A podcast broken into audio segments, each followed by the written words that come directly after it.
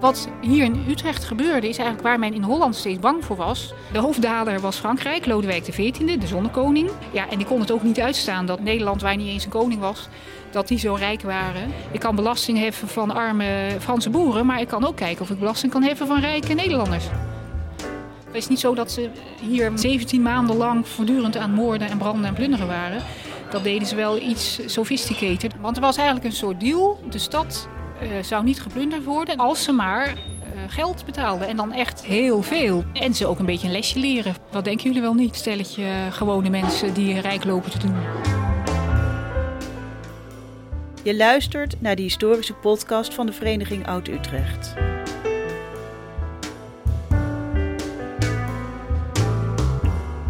Arjan den Boer spreekt met Utrechtse historici over de geschiedenis van de stad en hun fascinatie daarvoor.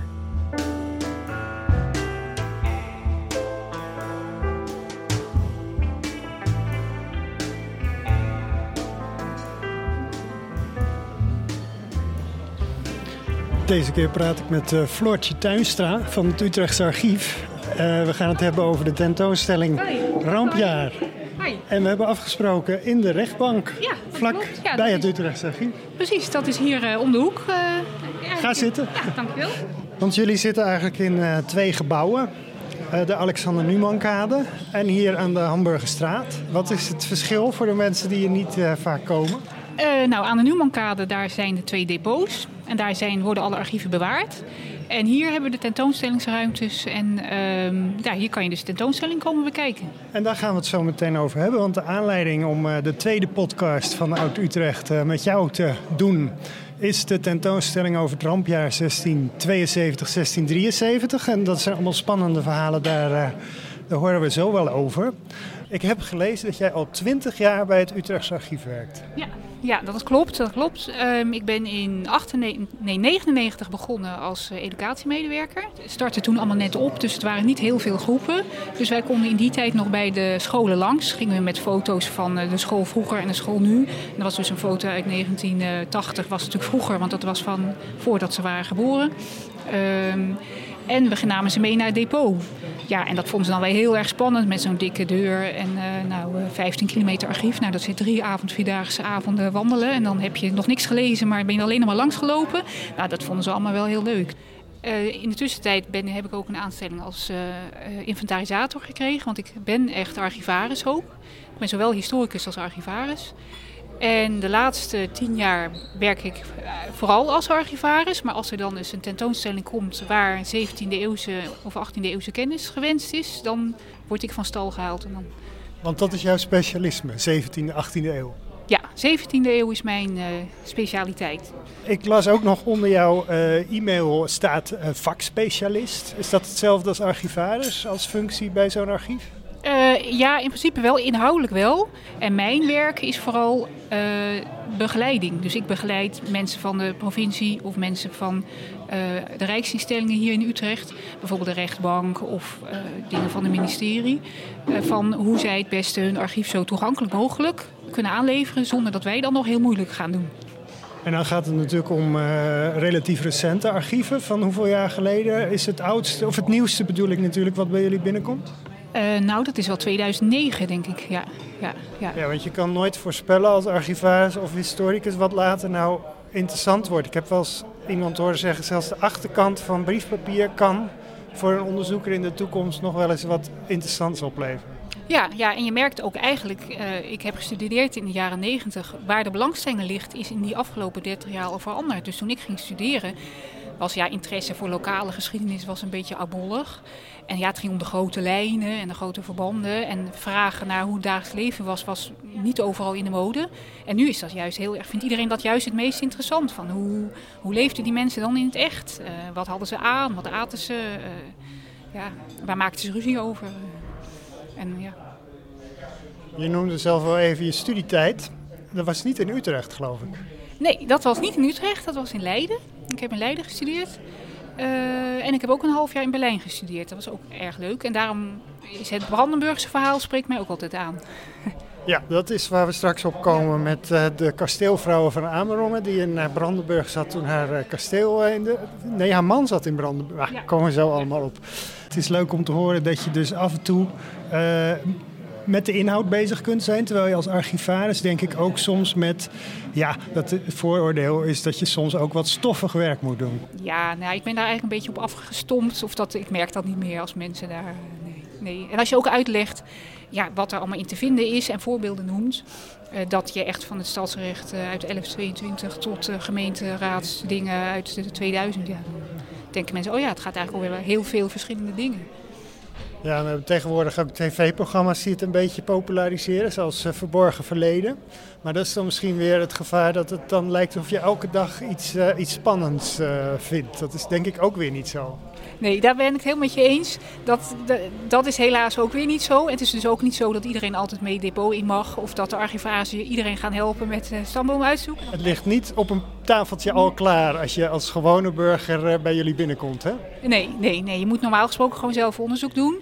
En uh, ja, die, he, met die administratie bezig zijn, wat ik dan doe, normaal gesproken in mijn normale werk, ben ik toch ook wel blij dat ik dat af en toe kan afwisselen met onderzoek voor een tentoonstelling. Dus het is voor mij een leuke afwisseling. We hebben het al een paar keer gezegd. De tentoonstelling loopt nu over het uh, rampjaar 1672, specifiek in Utrecht. Die heb jij samengesteld. Ik denk dat veel mensen, als ze dat al vroeger op school hebben gehad, elk jaartal, dan zit dat nog in je hoofd. Maar waarom het nou precies een rampjaar was, dat uh, is iedereen bijna vergeten, denk ik.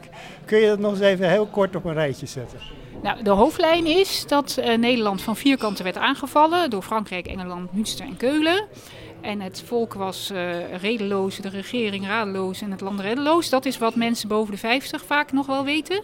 Utrechters weten vaak, oh rampja, ja, dat is het instorten van de Dom. Nou ja, dat is wel meteen daarna, onmiddellijk. Heeft, en het feit dat hij niet is opgebouwd, heeft zeker te maken met uh, de totale ja, uh, uh, failliet van Utrecht nadat die Fransen vertrokken waren. Die hadden alles leeggehaald. Um, ja, dat was eigenlijk de grootste ramp. Maar het was niet de ramp die ermee bedoeld werd, de instorting van de Dom, nee. want dat was in 1674 geloof ik. Ja. Ja. Ja, het is eigenlijk wat hier in Utrecht gebeurde, is eigenlijk waar men in Holland steeds bang voor was. Maar zij hadden de waterlinie tussen hen en ja, Utrecht zitten. Maar, en wij waren ook echt de frontstad. Dus daar, ja, verder zijn ze niet gekomen. Af en toe is een, een reet. Maar uh, ze, zaten eigenlijk, ze hadden eigenlijk een hoofdkwartier in Utrecht. En, en met Zut, dan hebben we het over de Fransen, toch? Ja, dat heb ik nu even nog niet verteld. Maar de, hoofd, uh, ja, de hoofddaler was Frankrijk, Lodewijk XIV, de zonnekoning. Die uh, was al een poosje bezig met zijn uh, macht uit te breiden. en Zoveel groot mogelijk grondgebied te krijgen. Ja, en die kon het ook niet uitstaan dat er zo'n uh, protestants republiekje als Nederland, waar niet eens een koning was, dat die zo rijk waren. En die dacht, dat geld kan ik ook wel gebruiken. Ik kan belasting heffen van arme Franse boeren, maar ik kan ook kijken of ik belasting kan heffen van rijke Nederlanders. Dus die wilde eigenlijk, de zonnekoning wilde eigenlijk de, profiteren van de Nederlandse Gouden Eeuw? Uh, nou, zo, zo, zou je het kunnen zeggen, ja. En, en ze ook een beetje een lesje leren van, uh, wat denken jullie wel niet? Uh, stelletje gewone mensen die rijk lopen te doen. Ja. En dan uh, zei je al even de waterlinie. Dat is de oude Hollandse waterlinie. Hè? Later kreeg je de nieuwe Hollandse waterlinie. Daar hebben we nu nog allemaal uh, forten van. Maar die oude linie die werd aangelegd eigenlijk om Holland, dus niet Utrecht helaas, te beschermen tegen dat soort invallen. En waar lag die dan precies? Of waar ligt die? Want er zijn nog wel een paar onderdelen geloof ik van. Uh, ja, nou de, de, bedoeling is wel geweest, ze hebben het er, zowel Holland als Utrecht hebben het erover gehad om hem ook verder naar het oosten te laten lopen. Dus het is wel degelijk al over een soort van grebbelinie gesproken. Maar ja, daar, daar werden ze niet over eens. En vooral, ik geloof dat vooral Utrecht zelf moeilijk deed. Maar dat weet ik niet precies, daar heb je andere deskundigen voor. Maar hij liep ja, langs de vecht. Ja, um, zeg tussen Woerden en Utrecht was het vooral. Uh, vijf herenlanden. Zeg maar, dat is natuurlijk nu on, uh, onderdeel van uh, Utrecht. Dat had, kon ook een heel groot deel onder water.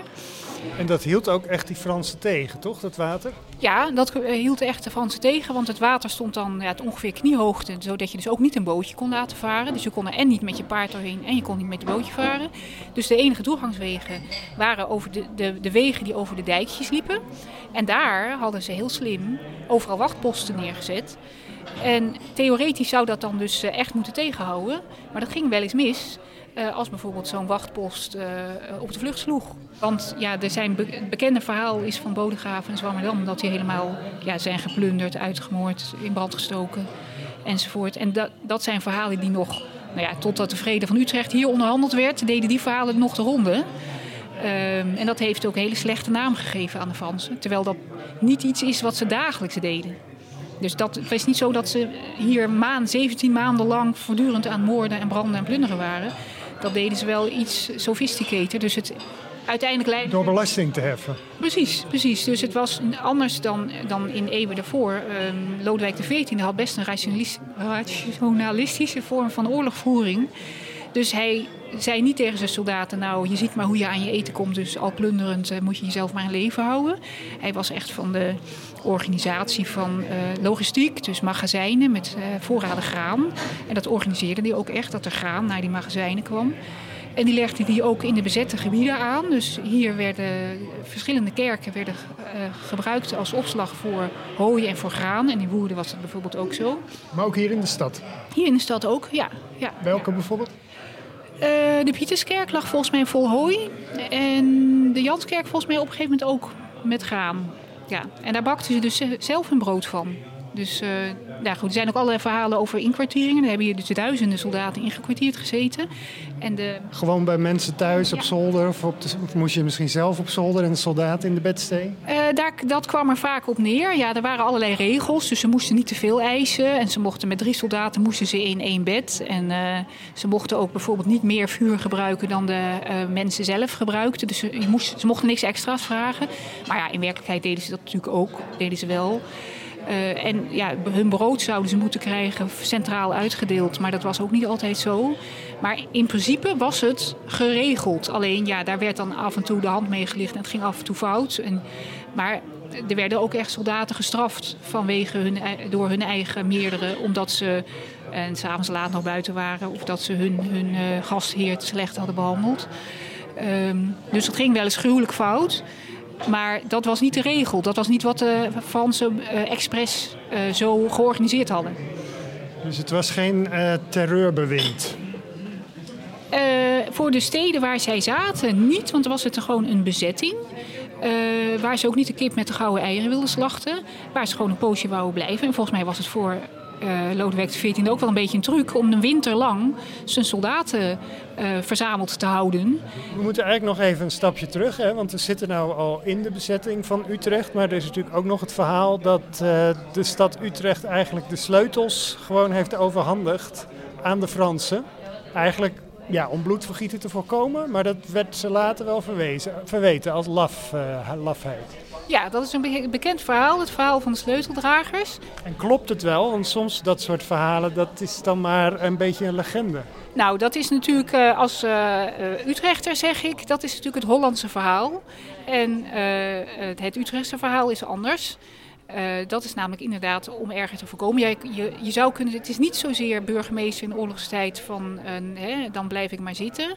Eigenlijk had het er ook mee te maken dat Lodewijk XIV, het was ook al lang bekend dat hij eraan kwam. De uh, Nederlandse de Staten-Generaal die dacht, ja we moeten nu onszelf in staat van verdediging brengen. Dus er riepen ook echt de steden op om mannen te leveren. Dus de weerbare mannen, dus de schutterijen. Er waren ongeveer 2000 man moest door Utrecht geleverd worden. Uh, om bij Nijmegen en de IJssellinie bij Zutphen de republiek te verdedigen. Dus Utrechters hebben wel degelijk gevochten, maar niet bij de stad zelf? Absoluut. Maar wat was nou het geval? Uh, Lodewijk kwam helemaal niet over de IJssel, Lodewijk kwam over de Rijn. En hij was al onderweg en toen ging het staatsleger, sloeg op de vlucht met Willem III terug richting Holland. En op het moment dat die, zij waren dus nog voor de Fransen bij Utrecht... En toen was de vraag, gaan zij met het staatsleger Utrecht verdedigen? Uh, want de, de mannen waren weg. Uh, en um, toen zei Willem III, ja dat wil ik wel proberen... maar dan moeten wel die voorsteden, de buitenwijk als de Bemuurde Weert... Uh, die moeten dan wel plat, want anders heb ik niet goed zicht. Nou, en dat waren nou net de wijken waar de mensen geronseld waren om naar Nijmegen te gaan. Dus toen zei het stadsbestuur, ja, dat kunnen we niet doen. En toen zei Willem III, ja, maar daar kan ik dan ook mijn soldaten niet aan uh, opofferen. Dus die is toen doorgetrokken naar uh, Holland, achter de waterlinie. En ja, toen heeft het de Utrechtse ehm, bestuur, de staten, die hebben een delegatie gestuurd naar Lodewijk XIV om te onderhandelen. het, de stad was onverdedigbaar. En Willem III heeft ook niet geholpen. Dus ja. We hebben van René de Kam gehoord, en dat kunnen we ook op zijn tentoonstelling zien, dat je al die bolwerken en die stadsverdediging had, maar dat was inmiddels geen uh, bescherming meer tegen de Fransen. Dat was op zich bedoeld wel nog steeds als bescherming, maar dat was wel heel erg verwaarloosd, want dat was een ander onderdeel. Uh, men had zich op zich wel verdedigd, voorbereid op een oorlog, maar al het geld was in de vloot gaan zitten. Dus uh, de, voor een oorlog op land was Nederland eigenlijk slecht voorbereid. En uh, inderdaad waren de, de vestingwerken redelijk uh, verwaarloosd. Dus heel veel had je daar ook niet aan. Maar dat was denk ik niet het allerbelangrijkste. Het belangrijkste was vooral, uh, want ze, ze waren op het laatst zijn er nog wel wat verbeteringen aan gedaan. Dat er gewoon geen mannen waren. Of niet, helemaal niet, maar niet, niet wat ze normaal gesproken hadden om de stad te kunnen verdedigen. Want over wat voor leger hebben we het? Zo'n Frans leger wat hier voor de, voor de deur staat of nou ja, in aantocht was. Zijn dat duizenden, zijn dat tienduizenden soldaten? Ja, dat waren echt wel tienduizenden. Wel uh, 30, 40.000. Ja. En dat zijn dus allemaal uh, huurlingen. En iets speciaals wat de Franse koning op dat moment net aan het opzetten was, was zijn uh, Zwitserse huurlingen. En die hadden dan weer een speciale status. Want die waren dan niet zomaar zeg maar, dat ze een regiment hadden gehuurd van de een of andere kapitein. Um, maar die waren dan ook echt in Franse dienst. Dus die was een soort van nationaal leger, maar dan geen Franse, maar Zwitsers. En de hoofdman die hier, uh, de gouverneur, uh, Pierre Stupa, dat was ook een uh, Zwitser.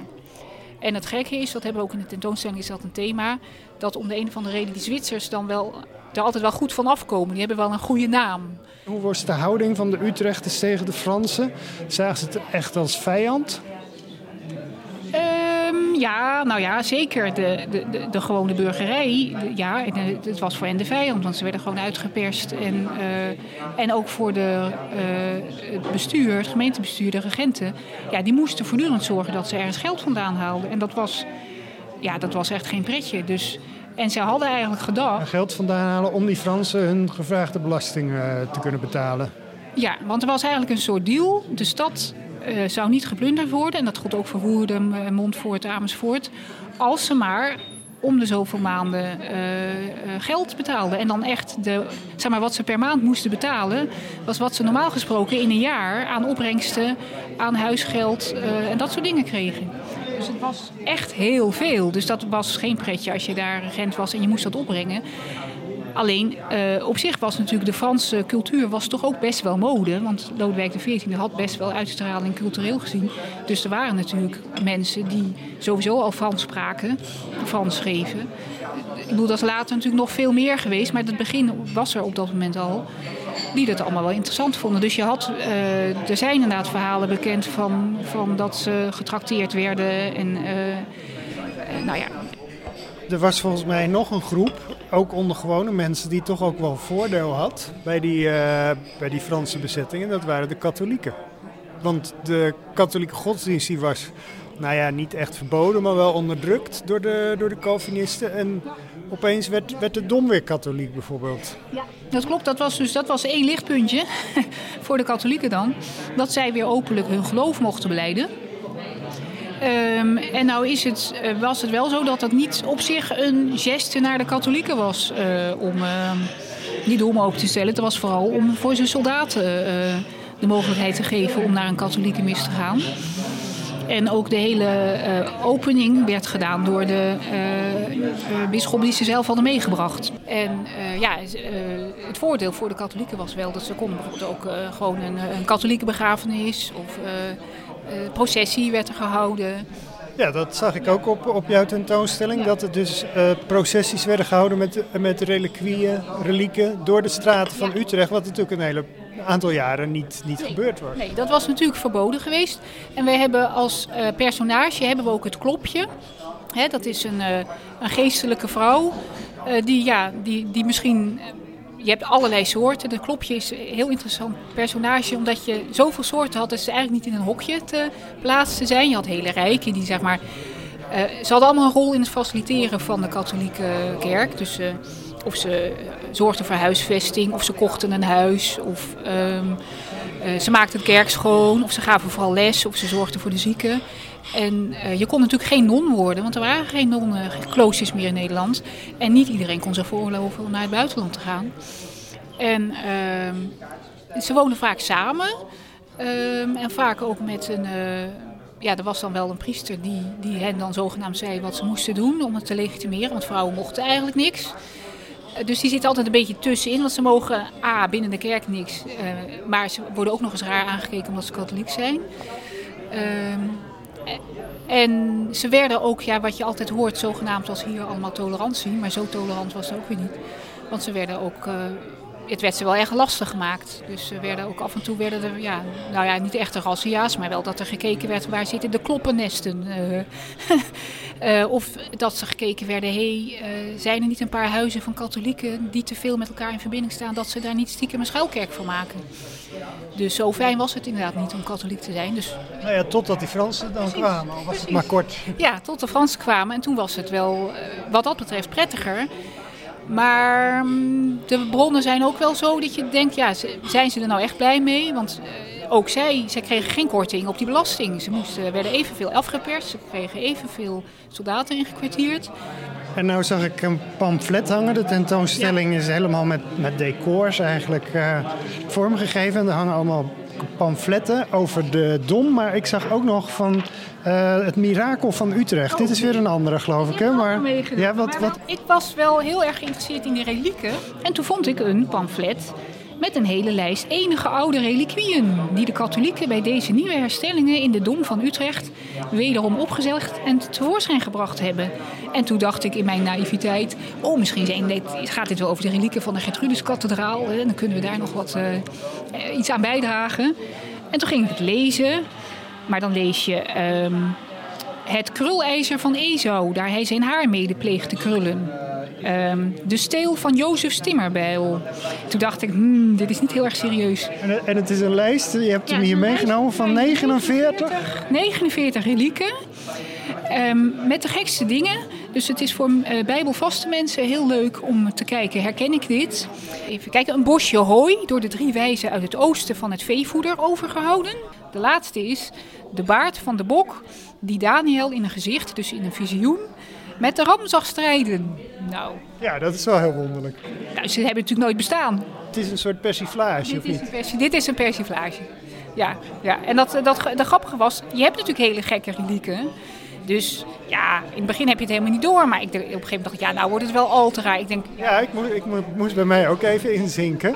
Maar dit is dus waarschijnlijk dan, die lijst is dan door protestanten gemaakt als grapje, als, als eh, geksteken. ja, ja. En dat is, heb ik, eh, wij hebben dus in de tentoonstelling best veel pamfletten en plakaten ook. En bij die pamfletten, die, die, die hadden natuurlijk een hele belangrijke rol in de berichtgeving en in de stemmingmakerij en de, de meningsvorming. Maar soms weet je op een gegeven moment niet van is dit nou een extreme gedachte of is dit een persiflage? Je zei net al, eh, er zijn veel verhalen. Hè? Je, je ziet pamfletten hangen, maar er worden ook verhalen verteld door personen die toen geleefd hebben. Dan moet je op een knopje drukken en dan komt er een, eh, een leuk verhaal of een interessant verhaal. Zijn dat eigenlijk fictieve verhalen of zijn die, of, en personen of zijn die op de werkelijkheid op archiefstukken gebaseerd? Eh, dat is eh, verschillend. Eh, zeg maar, Margaretha van Amerongen heeft echt bestaan. En alles wat zij zegt komt uit de brieven die ze zelf geschreven heeft. Ehm, het klopje is een fictieve persoon. Ehm, en de, het kind van de schutter hebben we ook. Is ook een fictieve persoon. Maar hun verhalen zijn gebaseerd op de dagboeken van eh Everhard Boot. Dat is een regentenzoon. En ehm, Jacob Martens, ook uit een regentenfamilie. Want helaas heb je natuurlijk altijd alleen maar van de hogere lagen bronnen over. Dus Margaretha was van adel. eh, nou, Boot en Martens zijn regentenzonen. Dus we hadden hun verhaal kunnen vertellen. Maar we dachten, ja, dat is natuurlijk niet zo, dat spreekt niet zo aan. En ze vertellen wel heel veel over wat er gebeurt. Dus dat er heel veel rijke mensen op de vlucht slaan en al hun beddengoed meenemen en eh, eh, kisten met zilver en dat er paniek ontstaat en alle rijken gaan er vandoor. Ehm, hij beschrijft zelf hoe vervelend het is dat hij daarbij gehinderd wordt. Martens. Dat was nog voor de Fransen aankwamen, toen gingen de regenten eigenlijk op de vlucht. Eh, nou, niet alleen de regenten, maar gewoon de rijke mensen. Die het, wie het zich kon veroorloven. Hè. Dat is net als nu ook. Vluchtelingen zijn meestal mensen die het zich kunnen veroorloven. Wie echt arm is, die komt niet eens weg. En we hebben nu een jongetje dat dus beschrijft hoe die ziet. Hoe er eh, een kist met, met zilver eh, van een kar valt. En dat er allemaal vrouwen op afgaan om die snel te plunderen. Ehm, en ook om ze tegen te houden van ja, jullie gaan er vandoor en wij dan. En onze mannen zijn al weg naar uh, Nijmegen. En jullie gaan weg en wie moet ons dan tegen de Fransen beschermen? Dan hebben we eigenlijk niemand meer. Um, nou, dat is natuurlijk... Ja, je voelt dat verhaal er gewoon in zitten. Uh, en de toneelspelers van Aluin die we hebben uh, gevraagd om, nou, om verhalen uit te werken en met ons mee te schrijven en, de, en het op te voeren, ja, die, die spelen dat ook heel leuk. Die zijn, uh, ja. ja, want die spelen dat ook live, hè? op, ja. ik geloof om de week bij, ja. bij jullie, ja. of hier aan de Hamburgerstraat in, in de tentoonstelling. Ja. eens in de twee weken speelt Aluin hier Uh, ja, de, de, personages die zijn dus, er is een soldaat, er is een boer die zit in de waterlinie. Je hebt het klopje, je hebt Margarethe, je hebt het kind van de schutter en de stadsomroeper die altijd uh, het Utrechts verhaal tegen het Hollandse verhaal houdt. En die zijn live aanwezig en die, uh, ja, die doen dat hartstikke leuk. Ja. Nou, we moeten het nog even verder hebben over uh, Margaretha Turnor. Zij was de vrouw van de kasteelheer van Amerongen, Godaar van Reden. Ja. Um, zij speelt een belangrijke rol omdat zij die brieven heeft nagelaten. We gaan het zo nog even hebben over welke nieuwe techniek daarvoor gebruikt is. Maar laten we nog even het plaatje compleet maken. Haar man zat in het buitenland, want die was diplomaat. En zij paste eigenlijk op dat kasteel, maar ze moest dus, ja, ze is gevlucht eigenlijk voor de Fransen. Ja, ja, en daar heeft ze ook heel uitgebreid met Godaert over geschreven. Die was dus uh, naar uh, Berlijn om te onderhandelen over, van, uh, over om hulptroepen te komen om, te, tegen de Fransen. En zij hield hem op de hoogte van de toestand in Amerongen. van de vraag, moet ik nu al weg of toch nog maar niet? Um, en ook van de, wat zij aan politieke ontwikkelingen zag. En zag uh, ja, hoe de stemming onder de regenten was en bij de Staten van Utrecht. En ook in Den Haag. Ze ging regelmatig naar Den Haag. Uh, dus ze hield hem van alles op de hoogte, maar ook van uh, dat het uh, water in de, in de, in de vijver om Amerongen laag stond. En dat is eigenlijk al een verwijzing naar het feit dat het water in de Rijn ook laag stond, zodat de Fransen daar gewoon doorheen konden. Het was een hele droge zomer geweest en een, nou ja, een niet erg natte winter en weinig sneeuw in de winter. Dus de, vandaar de, de, stand van de Rijn laag. En dat had ze al gezien, dat ja, de vissen in de slotgracht die hapten naar adem, zeg maar. Dat soort dingen schrijft ze ook. Of uh, dat, uh, hoe het met de koeien gaat. En dat ze ook heeft geprobeerd koeien te verkopen. Um, maar dat niemand ze in deze onzekere tijden wilde hebben. En ze, een reden om te wachten met vluchten was ook omdat haar schoondochter uh, op punt van bevallen stond. En haar zoon was ook afwezig. Die zat in, in het Zaatse leger als kapitein van het regiment. En die was eigenlijk heer van Middachten. En maar de hele schoonfamilie logeerde tijdelijk op Amerongen. En uh, nou, ze had blijkbaar een fout. Ze, uh, ze, had zich zeer misrekend, schrijft Margaretha. Want ze zei: Ik ga over drie weken bevallen. Nou, en een maand later was ze nog steeds niet bevallen. En uiteindelijk is ze pas nou, zes, zeven weken later bevallen. En toen konden ze eindelijk uh, vertrekken.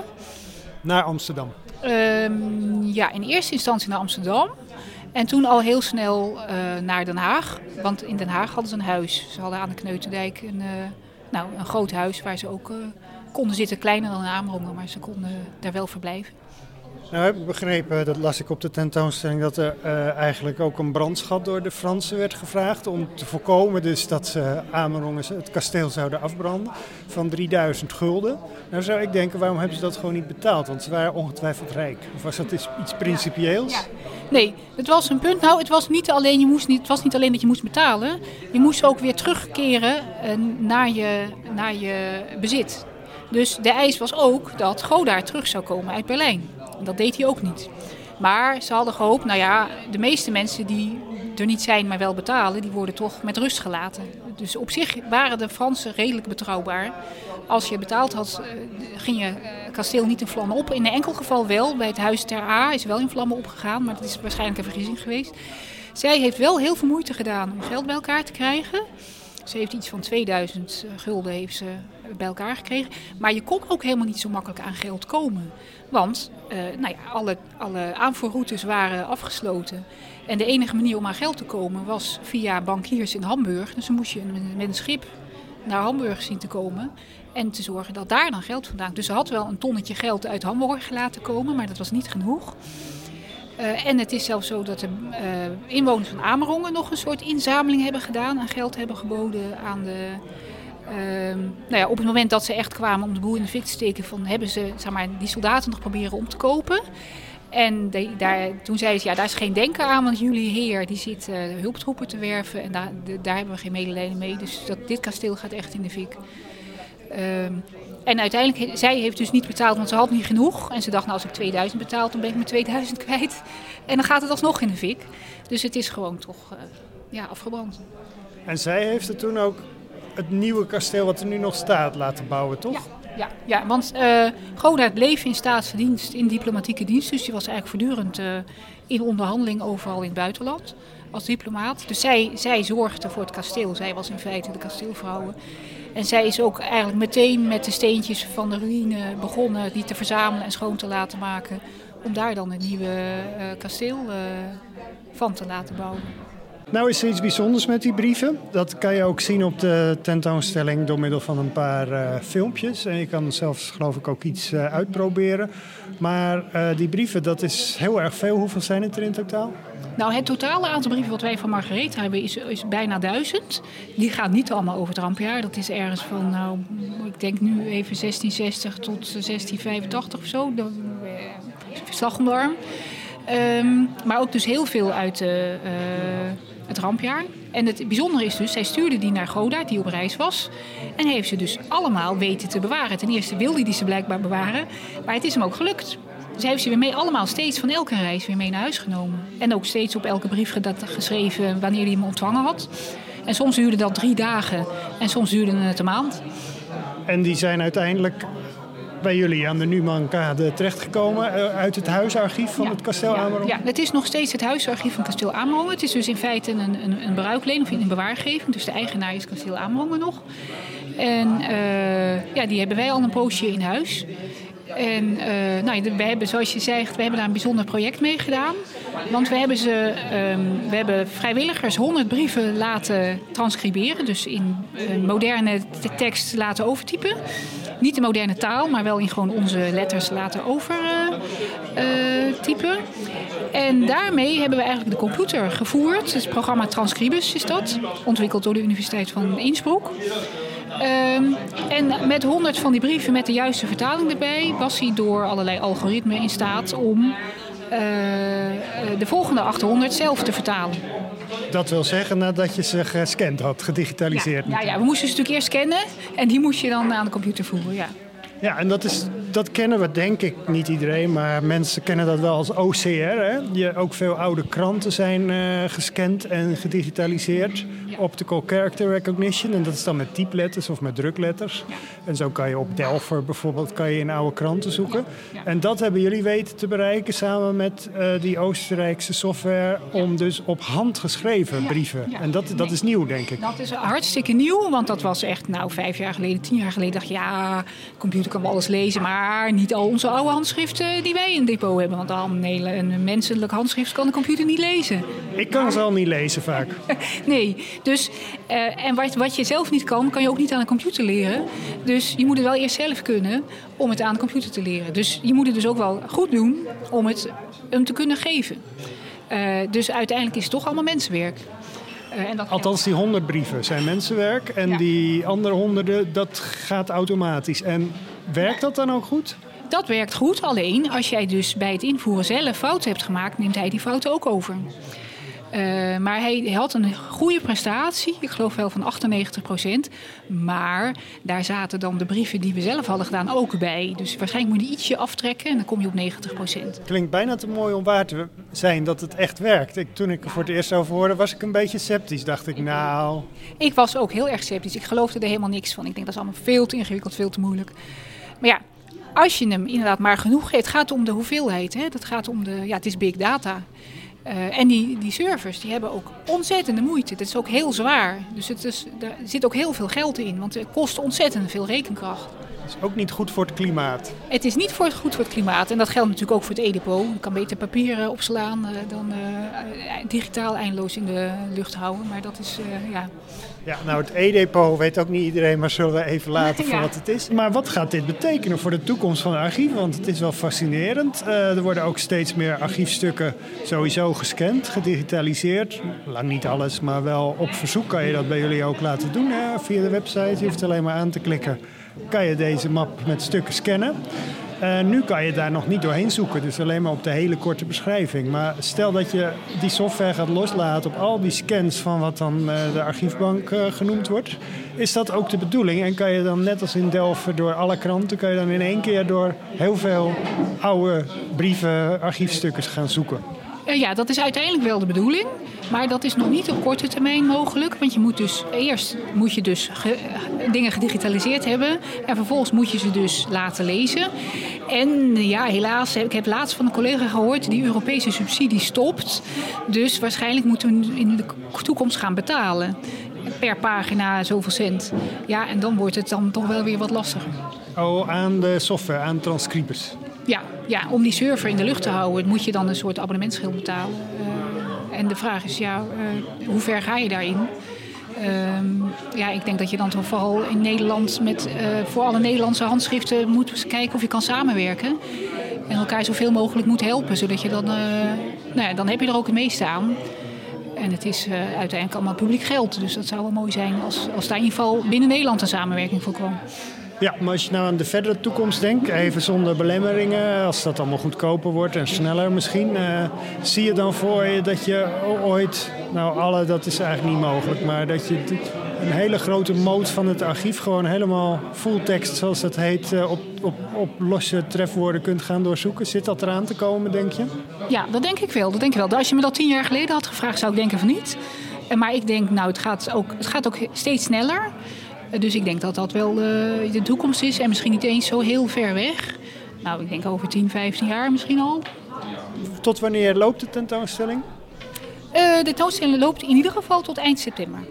Oké, okay, dus hij is nog verlengd, uh, ja, begrijp ja. ik. Hij zou eerst tot en met juni zijn, maar hij is nu laatst beslist in ieder geval tot eind september. Maar dan moeten we nog even iets praktisch interessants mededelen. Want jij gaat ook voor Oud-Utrecht een historisch café geven. Dat is een, uh, een korte lezing in het Bartholomeus Gasthuis. Dat is uh, begin april, hè? vrijdag 10 april. En dan ga je dan uh, misschien wat we nu hebben besproken vertellen of heb je daar al een plan voor of moet je dat nog maken? Um, in deels wat ik nu heb verteld, maar ik heb nog een allerlei anekdotes die ik nou helemaal nog niet heb kunnen vertellen. Dus die kan ik uitwerken en dan vertellen. Uh, dus, want er, er, zitten zoveel aspecten aan. Er is steeds wel weer iets nieuws ja, op te lepelen. Dat is, het is een echt een heel interessante periode. Ja, ja. En er is nog een andere mogelijkheid voor de Thea Beckman liefhebbers, Stad in Storm. Is op 23 april een wandeling met de biografen van Thea Beckman. Um, een route langs Stad in Storm locaties. Uh, is misschien ook leuk om mee, aan mee te doen. Dat ga jij met, met haar... en die biografen, ja. ja. ja. Daar had ik toevallig vandaag iemand voor op bezoek. Dus dat is, was heel... Dus dat is vers van de pers? Dat is vers van de pers, ja. ja. Ook allemaal te vinden op de website van het Utrechtse Archief natuurlijk. En bij Oud-Utrecht waarschijnlijk ook. Dankjewel voor het gesprek en we komen elkaar uh, ongetwijfeld weer tegen bij het archief. Oké, okay, nou, dankjewel. Uh, ik vond het leuk om te doen.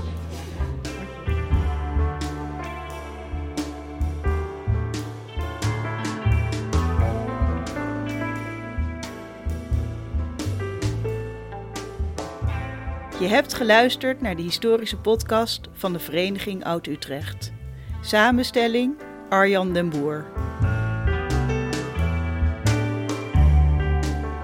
Wil je deze podcast blijven volgen?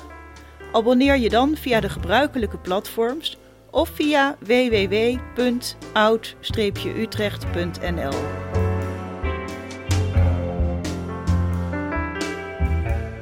Wil je deze podcast steunen? Word dan lid van de Vereniging Oud-Utrecht en je ontvangt ook zes keer per jaar het tijdschrift Oud-Utrecht, het jaarboek en de uitnodigingen voor activiteiten. Meer informatie www.oud-utrecht.nl